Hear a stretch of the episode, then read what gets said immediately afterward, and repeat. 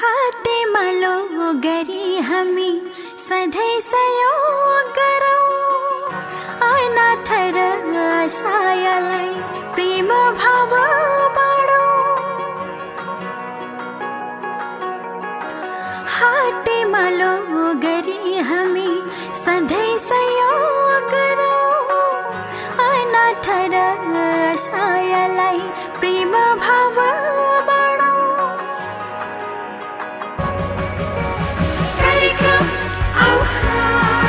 नमस्कार मासिक रेडियो कार्यक्रम आह्वानबाट म गोपालको। हरेक अंग्रेजी महिनाको पन्ध्र तारिक तपाईँले लभ एन्ड सपोर्ट फाउन्डेशनको website डब्लूडब्लूडब्लू dot love and support foundation dot ओआरजीमा online radio कार्यक्रम आह्वान सुन्न सक्नुहुनेछ। परोपकारी तथा गैर नाफामूलक सामाजिक संस्था लभ एन्ड सपोर्ट फाउन्डेशनद्वारा सञ्चालित यो कार्यक्रम परोपकार मनोरञ्जन तथा समाज सेवाको क्षेत्रमा भएका कार्यहरूमाथि केन्द्रित हुनेछ।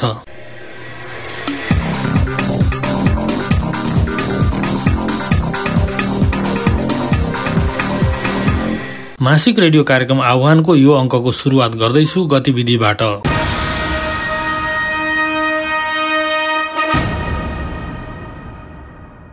रेडियो कार्यक्रम आह्वानको उत्पादक संस्था लभ एन्ड सपोर्ट फाउन्डेशनको नेपाल च्याप्टर स्थापना भएको छ। राजधानी काठमाडौँमा दर्ता भएको उक्त संस्थाको अध्यक्षमा ख्यातिप्राप्त संगीतकार शुभबहादुर सुनाम रहेका छन्। त्यस्तै उपाध्यक्षमा वरिष्ठ गीतकार बुद्धवीर लामा सचिवमा आनन्द राई सहसचिवमा महेश लिम्बू र कोषाध्यक्षमा एलिस कार्की चयन भएका छन्। समिति एघार सदस्य रहेको छ। सन् दुई हजार अठारमा अमेरिकाको नर्थ क्यारोलिना राज्यमा स्थापित उक्त संस्था न्युजिल्याण्डमा विस्तार भइसकेको छ भने उत्तर पूर्वी भारतको सिक्किममा पनि दर्ता प्रक्रियामा रहेको छ। नेपालमा दोहोरी गीत च्याम्पियन हुने भएको छ। एक फागुनमा शुरू हुने उक्त लोक दोहोरी प्रतियोगितामा प्रथम द्वितीय तृतीय र सान्तवनालाई क्रमशः बीस लाख दस लाख तीन लाख र दुई लाख नगद सहित पुरस्कृत गरिनेछ। उक्त प्रतियोगिताका सञ्चालक लोक गायक बद्री पङ्गेनी र गायिका प्रीति आले रहेका छन्। प्रतियोगितामा प्रतिस्पर्धीले चार चारवटा टुक्का गाउनु पर्नेछ प्रतियोगिता नेपाल टेलिभिजनबाट प्रसारण हुनेछ।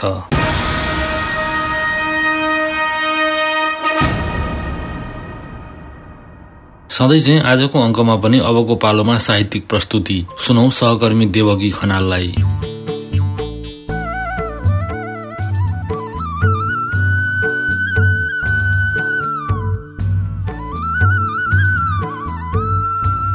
मासिक रेडियो कार्यक्रम आह्वान अन्तर्गत प्रस्तुत हुन लागेको मनको यात्रामा यहाँहरूलाई स्वागत गर्दछु। म देवकी शर्मा। यस खण्डमा साहित्यिक रचनाहरू पस्किनेछु। पहिलो प्रस्तुति रहेको छ कवयित्री निलम कार्की निहारिकाको बिहे एक प्रस्ताव शीर्षकको यो कविता। एक सखारै प्रसन्न मुद्रामा कान्छा बाजे समाचार लिई आउनुहुन्छ। बतास झैँ हतासिँदै सुनाउनुहुन्छ। भाग्य चम्कने भयो नानीको स्वीकार भयो। केटा राजी छन्। र हाम्री नानीलाई बिहे गर्न एक जुनी साथ बिताउन साँच्चै उहाँ राजी हुनुहुन्छ भने दहीमा टिका मुछ्नु अघि स्वयम्वरको दुबो माला गाँच्नु पूर्व सुनाइदिनु मेरो विनम्र एक विनम्र प्रस्ताव उहाँलाई। म आउनेछु बेहुली बनी आँगनमा जन्ती लिएर। स्पष्ट भनिदिनु बिहेमा मेरो बेहुलाले शिर झुकाएर प्रदक्षिणा गर्नुपर्ने छैन मलाई।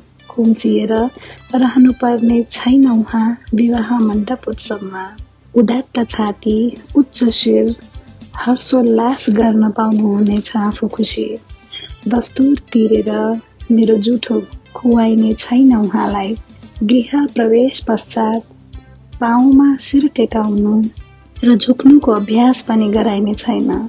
गल्तीहरूको सूक्ष्म मूल्याङ्कन सूचीपत्र तयारी अवस्थामा राखिएको हुने छैन। गन्ती सुरु गरिने छैन प्रत्येक पाइलाहरूको। सदा हजुरबाट नै सम्बोधित हुनुहुनेछ उहाँ। उहाँको अशक्त समयमा सम्पूर्ण सहानुभूति सद्भाव सेवा हुनेछ उहाँको बोल्टामा म वचन दिन्छु थकित समय उहाँको गाथले आरामको कोल्टे फेर्न सक्नेछ। उहाँको थाली अलग स्थानमा भण्डार गरिने छैन। सत्य भनिरहेछु उहाँले अन्तिम भोजन गर्नुपर्ने छैन। बासी र जुठो बर्तनले प्रतीक्षा गरिबस्ने छैन कहिले। आफ्नै जन्मदाता भेट्दा समेत हप्तौँ महिनौदेखिका तह तहका स्वीकृति या अनुमोदनको आवश्यकता पर्ने छैन। अज्ञानता वशका ससाना भूलमा समेत मबाट क्रूरता प्रदर्शन गरिने छैनन्। घृणाका आक्रामक आँखा कहिल्यै लगाउने छैन। भनिदिनु उपशब्दका वर्षातमा कहिल्यै रुझ्नुपर्ने छैन उहाँलाई। दण्डित हुनुपर्ने छैन नबिराएका बेकसुर समयहरू। भयभीत नहुनु भनिदिनुहोस् भिउलालाई उहाँको समय खेडी स्वमर्जीमा चल्न पाउनेछ क्यालेन्डरमा कुनै पृथकता हुने छैन। निद निदाउन सक्नेछ उहाँकै तालिकामा। स्वयंलाई गाल्नु पर्ने छैन। पर इच्छाको साँचोमा ढाल्नुपर्ने मनोकांक्षा भनिदिनु छैन। अर्को विश्वास दिलाउन चाहन्छु उहाँलाई। उपहार अर्थात् दाइजोको निहुमा उहाँको मन या शरीर जल्नु पर्ने छैन। धुवाले रङ्गाएको हृदय बोकी हिँड्नु पर्ने छैन। विवाह पश्चात कुनै दिन न त सम्झौताको विशाल पत्थरले थिचिएर बाँच्नु नै पर्नेछ। कारणवश घर फर्किन विलम्ब भएको अवस्थामा स्पष्टीकरणको निम्ति हुटहुटी हुनुपर्ने छैन। साथीहरूसँग भेटघाट समय व्यतीत गर्नु परे कुनै बन्देज हुने छैन। अर्को कुरा घरमा उहाँको योग्यताको कदर हुनेछ। बहस र निर्णय र भाग लिन रोकावट हुने छैन। जाने र अन्जान पढेर निरक्षर जीवन व्यतीत गर्नुपर्ने छैन उहाँलाई। अपमानित हुने छैनन् उहाँका कुनै सोच र अभिव्यक्ति। विवाह पश्चात भई परिआएमा कुनै दुर्घटना भवितव्य उत्तरदायी उहाँलाई सम्झिने छैन। लक्षण र अलक्षणको तराजुमा जोखिने छैन उहाँलाई। थप कुरा घरबाट बहुमूल्य सामान हराइहाल्यो भने चोराउँदा उहाँतर्फ तेर्सिने छैन। सम्बन्ध पुरानिँदै जाँदा मदिरामा होस हराएको जीवन साथीबाटै उटपिट हुने महात्रासमा रत्तिभर नरहनु। कसम लिएर भन्छु आजन्म पाल्तु होइन। मानवकै दर्जामा रहनुहुनेछ। खबर पाऊ अब बिहे निम्ति राजी उहाँ हुनुहुन्छ भने म बेहुली बनी जन्ती लिएर आउनेछु। उहाँले मसँग होइन मैले उहाँसँग पनि होइन। त्यो विवाह हाम्रो हुनेछ हामी दुवैको। के स्वीकार छ उहाँलाई? हजुरलाई यो बिहे प्रस्ताव। हजुरहरूले भर्खरै सुन्नुभयो कवयित्री निलम कार्कीको बिहे एक प्रस्ताव शीर्षकको कविता।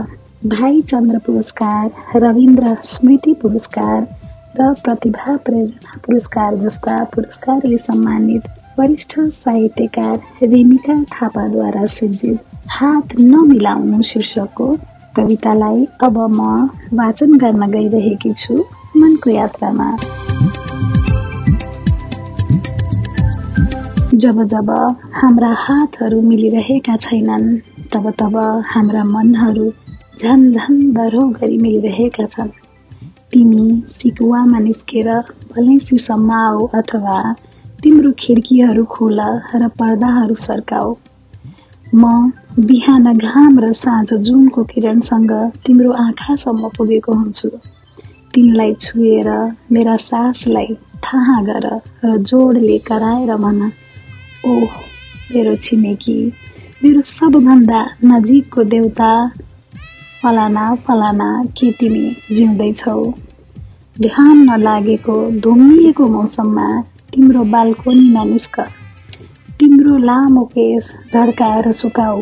त्यहाँ खसेको एक टुक्रा उज्यालो देखेर दङ्ग पर्दै हात हल्लाऊ। इसारा गर र उँचा स्वरमा बोल ओह मेरी छिमेकी प्यारी मिसेस फलानी के तिमी बाँचेकै छौ? म तिम्रा इस घृणा एक इबी आरी सेकी सबै बिर्सिदिनेछु। तिमीले मेरो सिमाना मिचेको मेरो बारीको तुलफुलमा पिख हालेको पानीको मुहान थुनेको मेरो धुरीमा कालो नजर पारेको सबै बिर्सिदिनेछु। बस अहिलेलाई तिमी बोल्दै गर। यस पाला माघे सङ्क्रान्तिमा कन्दमूलको भाग तिम्रो पनि लाग्नेछ। तिहारमा मेरो देउसे तिम्रा आँगनमा पनि हुनेछ। तिम्रा बाल बच्चाहरू मेरो बारीको कालनामा वनभोज खानेछन्। म मेरो कुलोको पानी तिम्रो खेततिर पनि फर्काइदिनेछु। म तिम्रो परमा तिर्न पक्कै आउनेछु। मङ्सिरमा न्वाङ्गीको पूजा हुँदा तिमीलाई पनि निम्तो दिनेछु। बरु तिमीले तिर्न नसकेको दुई मुरी धानको पैँचो म माफ गरिदिउँला। मेरा छोराले तिम्रो कुलको भालेलाई घाइते पारेको सजाय कम गरिदेऊ पनि नभनौँला तर अहिलेलाई तिमी धुमधाम समला बजाऊ चुड्का र ख्याली तानाङ भाइको सेलो राग गाउँदै गर र तिम्रो गीतको ताकतले मलाई पनि झोगो राख्दै गर। अहिलेलाई बस तिमी खिड्की खोल पर्दा हटाऊ इसारा गर र चर्को स्वर लगाऊ।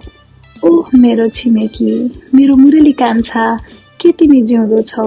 अब उसो म तिम्रो घरको फाटकलाई कर्के नजरले हेर्ने छैन। तिम्रोमा आउने पोस्टम्यानलाई बाटो ढोक्ने छैन। कुरियर र ई मार्केटिङका डेलिभरी म्यानलाई बाटो अल्मलाइदिने छैन। तिम्रा घरतिर जाने पिज्जाको बक्समा हेरेर कुटुक्क थुक मिल्दै चोखे लैदिने छैन। रात परेपछि तिम्रा घरका बिजुली र टेलिफोनका तारहरू काट्ने छैन। तिम्रा ढोके ड्राइभर र मालीहरूलाई चुक्ली लाउने छैन। तिम्रा छोरी चेलीलाई भद्दा नजरले हेर्ने र म्यासेजहरू पठाउने छैन। अब उसो पार्टीका झन्डाहरू च्याताच्यात हुने छैनन्।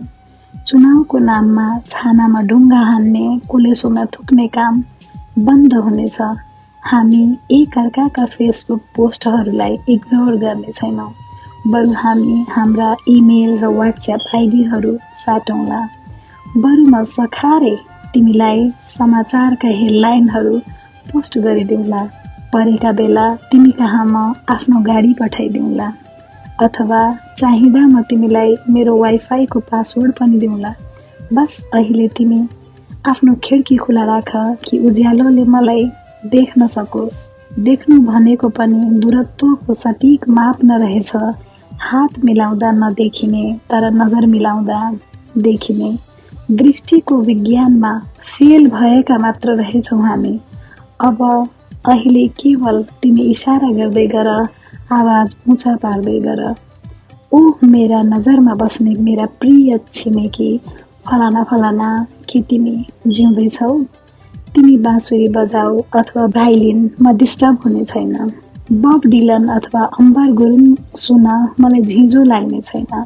तिमी माइकल ज्याक्सनको नाच गर अथवा माइक टाइसनको पोज देखाऊ कि एक्सन मुभी हेरेर सुपर एक्सनमा आऊ म कसिने छैन। किनभने मैले बुझिसकेँ मिलनको विज्ञान त हात मिलाउनुमा होइन मन मिलाउनुमा मात्र रहेछ। अनि मृत्युको दर्शन त तिम्रो मेरो आँखी डाहीमा होइन।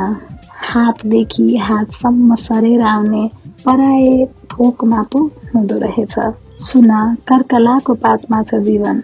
हात नमिलाउनु। सुन्दै हुनुहुन्थ्यो कवैत्री रेमिका थापाको हात नमिलाउनु शीर्षकको यो कविता। र तपाईँहरू सुनिरहनु भएको छ लभ एन्ड सपोर्ट फाउन्डेसनद्वारा उत्पादित मासिक रेडियो कार्यक्रम आह्वान। अब म वाचन गर्न गइरहेकी छु।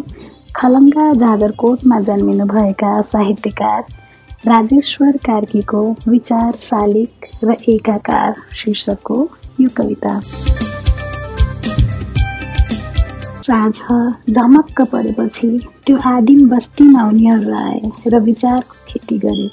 बस्तीका मानिसहरू आगन्तुक विचारको पछि लागे उज्यालो भयो। बस्तीमा विचारको हरियाली छायो। बस्ती शान्त र सुन्दर देखियो। लेखिएका विचारहरूले भित्ता र पर्खालहरू चित्रमय भए। विचारकै रङ्ग जस्ता घरहरू अग्लिए। बस्ती रङ्गमय भयो। तेउराली भन्ज्याङमा विचारकै हावा चल्थ्यो। चौतारीको छायामा विचारकै शीतलता हुन्थ्यो। त्यस बस्तीका पुल कुलो र कुलेसाहरू सबै सत्यमा विचारकै निकास थियो। बस्तीमा पुल जता थियो मान्छेहरू त्यतै हिँड्थे। कुलो कुलेसाहरू जता बग्थे मान्छेहरू त्यतै लाग्थे। बस्ती विचारले सम्पन्न भयो। मध्याहमा हेर्दा हेर्दै विचार फैलाउने मानिसको भव्य शालिगको भ्याइयो चुपचाप मानिसहरू शालिगको पूजापाठ गर्दै रहे। उनीहरूले त्यही संस्कारलाई आफ्नो बनाउँदै लगे। फेरि साँझ पर्यो। शान्त बस्तीमा एकाएक अर्को ठुलो विचारको हुरी चल्यो। बालुवा माटोका कणदेखि पत्करहरूसम्म पछि लागे। विचारको द्वन्द्व बस्तीभरि फैलियो। द्वन्द्वमा दुई विचारको हम टक्राउँथ्यो सपना देख्ने आँखामा चट्याङ पर्थ्यो। विचार बस्तीको रुख रुखमा पनि झुन्डिएको थियो। त बस्तीका पाखा पखेरा रुख ढुङ्गा माटोबाट विचारकै बास आउँथ्यो। बस्तीमा रात पर्यो। पहिलो विचार सङ्कुचित बुझियो। मध्यरातमा सङ्कुचित विचार राखिएको शालिग भत्काइयो। बस्ती क्रान्तिमय भयो। विचारले मान्छे बृहत भए तर बस्ती अत्यन्त साँघुरो भयो। अर्को विचार लेख्ने ठाउँ बस्तीमा बाँकी रहेन। किनभने विचार मानिसको मनमा नलेखेर बस्तीका ढुङ्गा माटो भित्ता पर्खाल र रुख रुखमा लेखिएको थियो। यो रात म विचारको औचित्य खोज्दै नौलो बिहान पर्खिरहेछु। जसरी उज्यालोमा अन्धकार विलिन हुन्छ उसै गरी भिन्न भिन्न विचार राख्ने सबै आत्माको एकाकार बिन्दु खोजिरहेछु। भर्खरै मैले वाचन गरेँ शिक्षा पुरस्कारले सम्मानित साहित्यकार राजेश्वर कार्कीको विचार शालिक र एकाकार शीर्षकको यो कविता। साहित्यिक रचनाहरू पस्किने क्रममा अबको पालो रहेको छ। विराटनगरमा जन्मिएका गजलकार सुमन पोखरेलको आएको ऐसी त हुँ शीर्षकको यो गजलको। सङ्गीतले छोडेको एउटा अधुरो गीत हुँ कैयन आँखाहरूमा। अल्झी झरेको प्रीत हुँ। बाँच्दैछु वर्तमान निफन्दै सपना भोलिको। छुइन तर बिर्सेको म कसैको अतीत हुँ। फुल हौ तिमी सुहाउँछ हाँसे पनि रोए पनि। मलाई त हाँस्न नभन म त सधैँको शीत हुँ। कहाँ के भो के चासो बाँच्दछु म आफैसँग। हार हुँ आफै आफ्नो म आफ्नो आफै जित हुँ। काँडा हो माया भन्छन्। मलाई यो फुल लाग्छ। झुठो बोल्दैछन् सबै। या म चाहिँ भ्रमित हुँ। फुल हो माया। भन्छन् मलाई यही काँडा भो अरू सबै गलत हुन्। या म मात्र शापित हुँ। ल उठा मलाई तै सुमन। माटियो यहाँ धेरै नै। अझै त छ। केही त होस्। आएको अघि तसी त हुँ। यहाँहरूले सुन्दै हुनुहुन्थ्यो साहित्यकार सुमन पोखरेलको आएको अघि तैसित शीर्षकको गजल। आजको प्रस्तुतिका लागि अन्तिम सामग्री मेरो हातमा रहेको छ विशिष्ट साहित्यकार नवराज लम्सालको जसै म फुल्छु प्रेममा शीर्षकको गजल। जसै म फुल्छु प्रेममा त्यहाँ त बैंस खुल्छ रे जवान जोस होसको इमान फुल फुल्छ रे हतार बन्छ जिन्दगी तनाव बढ्छ सुस्तरी। पवित्र मित्र फुलमा अमूल्य मूल्य झुल्छ रे नसा नसा तरङ्गमा भरेर रङ्ग रागिनी। जहाँ छ प्रेम प्रेम झै उही त सत्य झुल्छ रे खुलेर बोल ए हवा नबोल झुट। कै खतै म जित्छु युद्ध भन्दिन तथापि आँट डुल्छ रे सफा छ मित्रता भने सफा छ दृष्टि मित्रको। महान बन्न तम्सने हिमाल लाख खुल्छ रे गजलकार नवराज लम्सालको जसैमा फुल्छु प्रेममा शीर्षकको यो मिठो गजलसँगै। मनको यात्राबाट यो अङ्कका लागि विदा माग्ने बेला भइसकेको छ सुनेर साथ दिनुहुने यहाँहरू सबैलाई धन्यवाद। तपाईँहरू पनि यो कार्यक्रमका लागि आफ्ना रचना पठाउनुहुन म हार्दिक अनुरोध गर्दछु। हाम्रो ठेगाना हो info at love and support foundation dot org यो कार्यक्रम तपाईँ लभ एन्ड सपोर्ट फाउन्डेसनको website W dot love and support foundation dot org log on गरेर पनि चाहेको बेला सुन्न सक्नुहुनेछ। यसै गरी नेपालको झापा बिर्तामोड स्थित रेडियो भिजन एकानब्बे दशमलव छ मेगा हर्जबाट पनि हरेक अंग्रेजी महिनाको सोह्र तारिक स्थानीय समय अनुसार साँझ आठ बजेको भिजन न्यूज पछि सुन्न सक्नुहुनेछ। कार्यक्रम सुनेर सुझाव टिप्पणी वा प्रतिक्रिया पठाउन नभुल्नुहोला। हामीलाई पत्राचार गर्ने ठेगाना हो info at love and support foundation dot org Mishra Baijayanti पूर्वी नेपालको उर्लाबारीमा बस्नुहुन्छ। उहाँ मोफसलमा चिनिएको साहित्यकार हुनुहुन्छ। विक्रम सम्बत दुई हजार चौवालिस सालदेखि उहाँका साहित्यिक सृजनाहरू प्रकाशित हुन थालेका हुन्। उहाँको हाइकु संग्रह संवेदनाका नागबेलीहरू दुई हजार बैसठी सालमा र कविता संग्रह पार्श्व आवाज दुई हजार छैसठी सालमा प्रकाशित भएका छन्। त्यस्तै दुई हजार साठी सालमा प्रकाशित मोरङका समकालीन कविता कृतिको उहाँ सहलेखक हुनुहुन्छ। साहित्यकार वैजयन्तीले कथा निबन्ध समीक्षा र समालोचनाको क्षेत्रमा कलम चलाउने गर्नुभएको छ।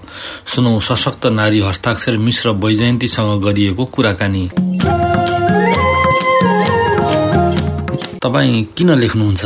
अनि खासमा के कुराले तपाईँलाई लेख्न प्रेरित गर्दछ? लेखनका प्रारम्भमा त म मन बहलाउन लेख्ने गरेकी रहेछु तर हिजो आज लेखनमा अस्तित्वको अर्थ बलियो भएर आएको छ। लैङ्गिक अस्तित्व स्पेसको अस्तित्व राष्ट्रिय अस्तित्वका कारणले लेख्ने मानिसलाई विचलित बनाउँछ। त्यो बनाउँदो रहेछ। अहिले मलाई जति लेखे पनि पूर्ण लेख्न अझै बाँकी छ जस्तो लाग्छ। देश आफै विचलित अवस्थामा छ। वातावरण महाव्याधि आर्थिक सङ्कट र बेरोजगारी लैङ्गिक हिंसा राजनीतिक विचलन सार्वभौममाथिको प्रश्न नेतृत्वदायी पङ्क्तिको नैतिक कर्मण्यता आदिले एकदमै विचलित हुन्छु। यतिखेर नै लेखनका विषय उठ्छन् र लेख्छु। नेपाली साहित्यमा हाल कुन पक्ष हाबी भएको पाउनुहुन्छ? यही पक्ष हाबी भएको छ भनेर किटेर भन्न सकिँदैन। साहित्य लेखनको प्रारम्भदेखि आजसम्म लेखिएको साहित्यमा किनारीकृत वर्गले भाषा संस्कृति लवज राजनैतिक शैक्षिक लैङ्गिक स्पेस अथवा अस्तित्वको खोजी गरिरहेको अवस्था छ। आदिवासी लोक साहित्य संस्कृति भाषा लोप हुनु राज्यको निम्ति ठूलो नोक्सान पनि हो। अबको विश्वको मानचित्रमा राज्य भन्दा पनि पहिचान र अस्तित्वको राष्ट्रिय तथा अन्तर्राष्ट्रिय सन्दर्भ मुखरित भएर आउनेछ। मलाई त्यस्तो लाग्छ। सबाल्टन चेतना र बहुलवादी चेतनाले साहित्यमा वर्गीयताभित्र पनि अनेकताको स्वर लिएर आएको छ। यसले एक दिन मूलधार र किनारको अपेक्षालाई समाप्त गरी सबै किनारका सबै मूलधारका र सबै मूलधारका सबै किनारका जस्ता हुनेछन् र सबैमा सन्तुलित अवस्था रहनेछन् जस्तो मलाई लाग्छ। खासमा साहित्यले समाजलाई कस्तो पोषण दिइरहेको हुन्छ? अनि समाजलाई के त्यो साँच्चै आवश्यक छ त? साहित्यका अनेक धारहरू छन् अनेक दृष्टिकोणहरू छन्। साहित्यमा कला हुन्छ रङ हुन्छ विचार हुन्छ लक्ष्य हुन्छ। समाजमा पनि अनेक प्रकारले साहित्यलाई ग्रहण गर्ने मानिस हुन्छन्। आदर्शवादी समाजका लागि साहित्यले नैतिकतालाई पृष्ठपोषण गर्नुपर्ने हुन्छ। मार्क्सवादी विचारले अभिप्रेरित समाजका लागि साहित्यले वर्गीय हिसाबले सक्रिय र सन्तुलित विचारलाई पृष्ठपोषण गर्नुपर्ने हुन्छ। यथार्थवादी साहित्यले समाजको यथार्थत्य प्रस्तुत गर्नुपर्ने हुन्छ। लैङ्गिक चेतनाका हिसाबले हेर्दा लैङ्गिक असमानतालाई सन्तुलित प्रकारले प्रभाव गर्नुपर्ने हुन्छ। यथेष्ट संवादका विषयवस्तुलाई पनि लैङ्गिक हिसाबले हेरिएको साहित्यमा बिना आग्रह प्रस्तुत गर्नुपर्ने हुन्छ। किनारीकृत वर्गका स्वरलाई मूलधारमा ल्याउनु आजको साहित्यको मुख्य कर्म भएर आएको पनि छ। त्यसैले हिजोको समाजले मागेको विषय र आजको समाजको अवस्था एउटै छैन। समाजलाई साहित्यले पोषण गर्न विभिन्न समयमा साहित्यका विभिन्न दृष्टिबाट सिर्जना गरिएका हुन्छन्। साहित्यका विषयवस्तुमा विचार र कलाको राम्ररी संयोजन भएमा साहित्यले समाजलाई मानव समाजको निरन्तरतामा गुणस्तरीय समानताको पोषण दिइरहेको हुन्छ। यसर्थ समाजलाई उत्साह र सकारात्मक जीवनका लागि साहित्यको पोषण आवश्यक छ। नेपाली साहित्यको वर्तमान अवस्था कस्तो लाग्छ यहाँलाई? अर्थात् नेपाली साहित्यको समकालीन विश्व साहित्यमा कस्तो स्थान छ? साधना प्रतिस्पर्धा विचारधारा प्रवृत्ति लेखकीय चलन अर्थात् ट्रेनका कारण समकालीन विश्व साहित्यमा नेपाली साहित्य आफ्नै अस्तित्व लिएर अघि बढिरहेको छ। यसभित्रको गुणस्तरीयताको विषयमा भने एकै तरिकाले मापन गर्न हुन्न। शिक्षा विचार सुविधा समय परिवेशका कारण अनेक ठाउँमा साहित्यको प्रवृत्ति अलग अलग हुन्छ। विश्वभित्र अनेकता भए चाहिँ राज्यभित्र पनि अनेकता हुन्छ नै। यसर्थ नेपाली साहित्यमा विविधता हुनु स्वाभाविक नै हो। नेपाल पनि विश्वभित्रै छ। मैदान बाहिरबाट भित्र पस्नुपर्ने होइन नेपाली साहित्यलाई। विश्व साहित्यमा नेपाली साहित्य पहिले नै प्रवेश गरिसकेको छ। विश्व साहित्यको सन्दर्भमा नेपाली साहित्य किनारीकृत वर्गमा भने पर्ला। मूलधारमा पुग्न नेपाली साहित्यले अझै केही मेहनत गर्नु पर्ला। तर त्यति धेरै निराशाजनक पनि छैन। जब नेपाली साहित्यका ग्रन्थ विश्वका अनेक भाषामा अनुवाद हुँदै जानेछन् गने चुनेका प्रकाशनबाट किताब प्रकाशन हुनेछन् तब यसको स्तर विश्वका पाठकका नजरमा अवश्य पनि पुग्नेछ। केवल सञ्चार र पहुँचका लागि कुर्नुपर्छ। यति भन्दैमा आफ्नो स्तरलाई फेरि धुरी चढाइहाल्नु पनि हुन्न। विश्वका स्तरीय र प्रभावशाली किताबहरूलाई अध्ययन गरेर त्यसै प्रकारका नेपाली किताब पढे। यसका तुलनात्मक अवस्था हरेक सचेत पाठकले अवश्य पनि गर्न सक्नेछन्। नेपाली साहित्यमा तपाईँको कोही रोल मोडल छ कि? नेपाली साहित्यमा धेरै सशक्त प्रभावशाली दीर्घ साधक र सफल साहित्यकार हुनुहुन्छ। धेरै लेखकले उही विचारभित्र पनि आफ्ना निजी विचारका निजी प्रकारका विचारधारा अर्थात् आइडियोलोजीमा लेख्नुहुन्छ। हरेक लेखकको आफ्नै प्रकारका लेखकीय चेतना र स्वभाव हुन्छन्। एक मात्र रोल मोडल मानिदिँदा शाब्दिक मात्र हुन गए सम्मानभन्दा ज्यादा भइदिन सक्छ कि भन्ने ठान्छु। पाठकहरूले तपाईँको अब कुन कृति वा सृजना पढ्न पाउँदैछन् लगत्तै? नयाँ आउँदै गरेका कृतिहरू कथाको पनि तयार भएको छ। निबन्धको पनि तयार भएको छ। कविता र समालोचनाका पनि कृति तयार भएका छन्। तर अहिले नै प्रकाशन गर्ने कि केही समय पर्खने अझै भनेर मैले निर्णय गर्न सकेको छैन। तर पनि छिट्टै पाठकका हातमा यी कृतिहरू पुर्याउने मेरो लक्ष्य रहेको छ। कुराकानीको लागि यहाँलाई धन्यवाद। मासिक रेडियो कार्यक्रम आह्वानमा अमेरिका बसोबास सहयोगी पुस्तकबाट साभार गरिएका सामग्री प्रस्तुत गर्ने क्रममा यस पटक अमेरिकामा अध्ययन र जागिरका अवसर कसरी प्राप्त गर्न सकिन्छ भन्ने बारेको जानकारी प्रस्तुत गर्दैछौ। राजेश कोइराला र डगलस हलद्वारा सम्पादित उक्त पुस्तकको अंश साथ सहकर्मी द्रौपदी प्रधान। नमस्कार म द्रौपदी प्रधान। अमेरिकामा जागिर र रोजगारी बारे जानकारी लिएर उपस्थित भएकी छु। कामका लागि तयार। तपाईँ अमेरिका आएपछि नयाँ घरमा बस्न थाल्नुहुन्छ अनि तपाईँ काममा जान तयार हुनुपर्छ। तपाईँले अमेरिकामा काम गर्नु आवश्यक हुन्छ। काम भयो भने सरकारी सहायता वा नातेदारको भर बिना तपाईँ आफै र तपाईँको आफ्नो परिवारको हेरचाह गर्न सक्नुहुन्छ। काम गर्नुको महत्व काम गरेर तपाईँका हातमा पैसा परेपछि घर भाडा र बिलहरू तिर्नु हुन्छ।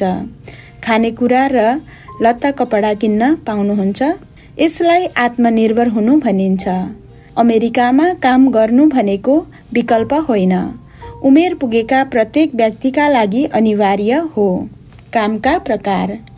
यहाँ सामान्यत तीन खालका प्रमुख जागिरहरू हुन्छन्। अध्यक्ष जागिर कुशल जागिर र व्यावसायिक जागिर। बेग्ला बेग्लै जागिरका लागि भिन्न भिन्नै तहको क्षमता र तालिम चाहिन्छ। अध्यक्ष वा सुरुवाती जागिरलाई थोरै तालिम वा अनुभव चाहिन्छ। यस्ता कामका उदाहरणहरूमा होटलको भण्डारे चमेना गृहमा सेवक चौकीदार खाद्य दोकानमा भण्डारण गर्ने मानिस पर्छन्। यस्ता कामका लागि राम्रा स्तरको अङ्ग्रेजी चाहिन्न। अङ्ग्रेजी पढिरहेका र अन्य सिप सिकिरहेको अवस्थामा धेरै शरणार्थीहरूले यस्तै काम गर्छन्। कुशल जागिरका लागि तालिम र उच्च स्तरको अङ्ग्रेजी चाहिन्छ। यस्ता कामका उदाहरणहरूमा गाडी मर्मत गर्ने कालीगढ श्रृङ्गार गर्ने कम्प्युटर प्राविधिक नर्सिङ सहायक पर्छन्। कुनै कुशल काम गर्नका लागि अनुमति पत्र आवश्यक पर्न सक्छ तपाईँले आफ्नो देशमा पाएको अनुमति पत्र यहाँ मान्य हुँदैन। तपाईँले अङ्ग्रेजी अध्ययन गरी अमेरिकामै तालिम पाएपछि आफू बसेको राज्यबाट अनुमति पत्र प्राप्त गर्न सक्नुहुन्छ। व्यावसायिक जागिरका लागि कलेजको शिक्षा प्राप्त गरेको धेरै राम्रो अङ्ग्रेजी भएको र उच्च तहको सिप भएको हुनुपर्छ। यसका उदाहरण शिक्षक परिचारिका यानि कि नर्स इन्जिनियर वैज्ञानिक लेखापाल यानि कि एकाउन्टेन्ट लाइब्रेरियन हुन्। तपाईँ आफ्नो देशमा यस्तै काम गरिरहेको र यस क्षेत्रको अनुमति पत्र यानि कि लाइसेन्स भएको व्यक्ति भए पनि यहाँ थप अध्ययन गर्नुपर्ने र यहाँ त्यस्तै कामका लागि परीक्षामा सामेल भएर अर्को अनुमति पत्र लिनुपर्ने हुन सक्छ।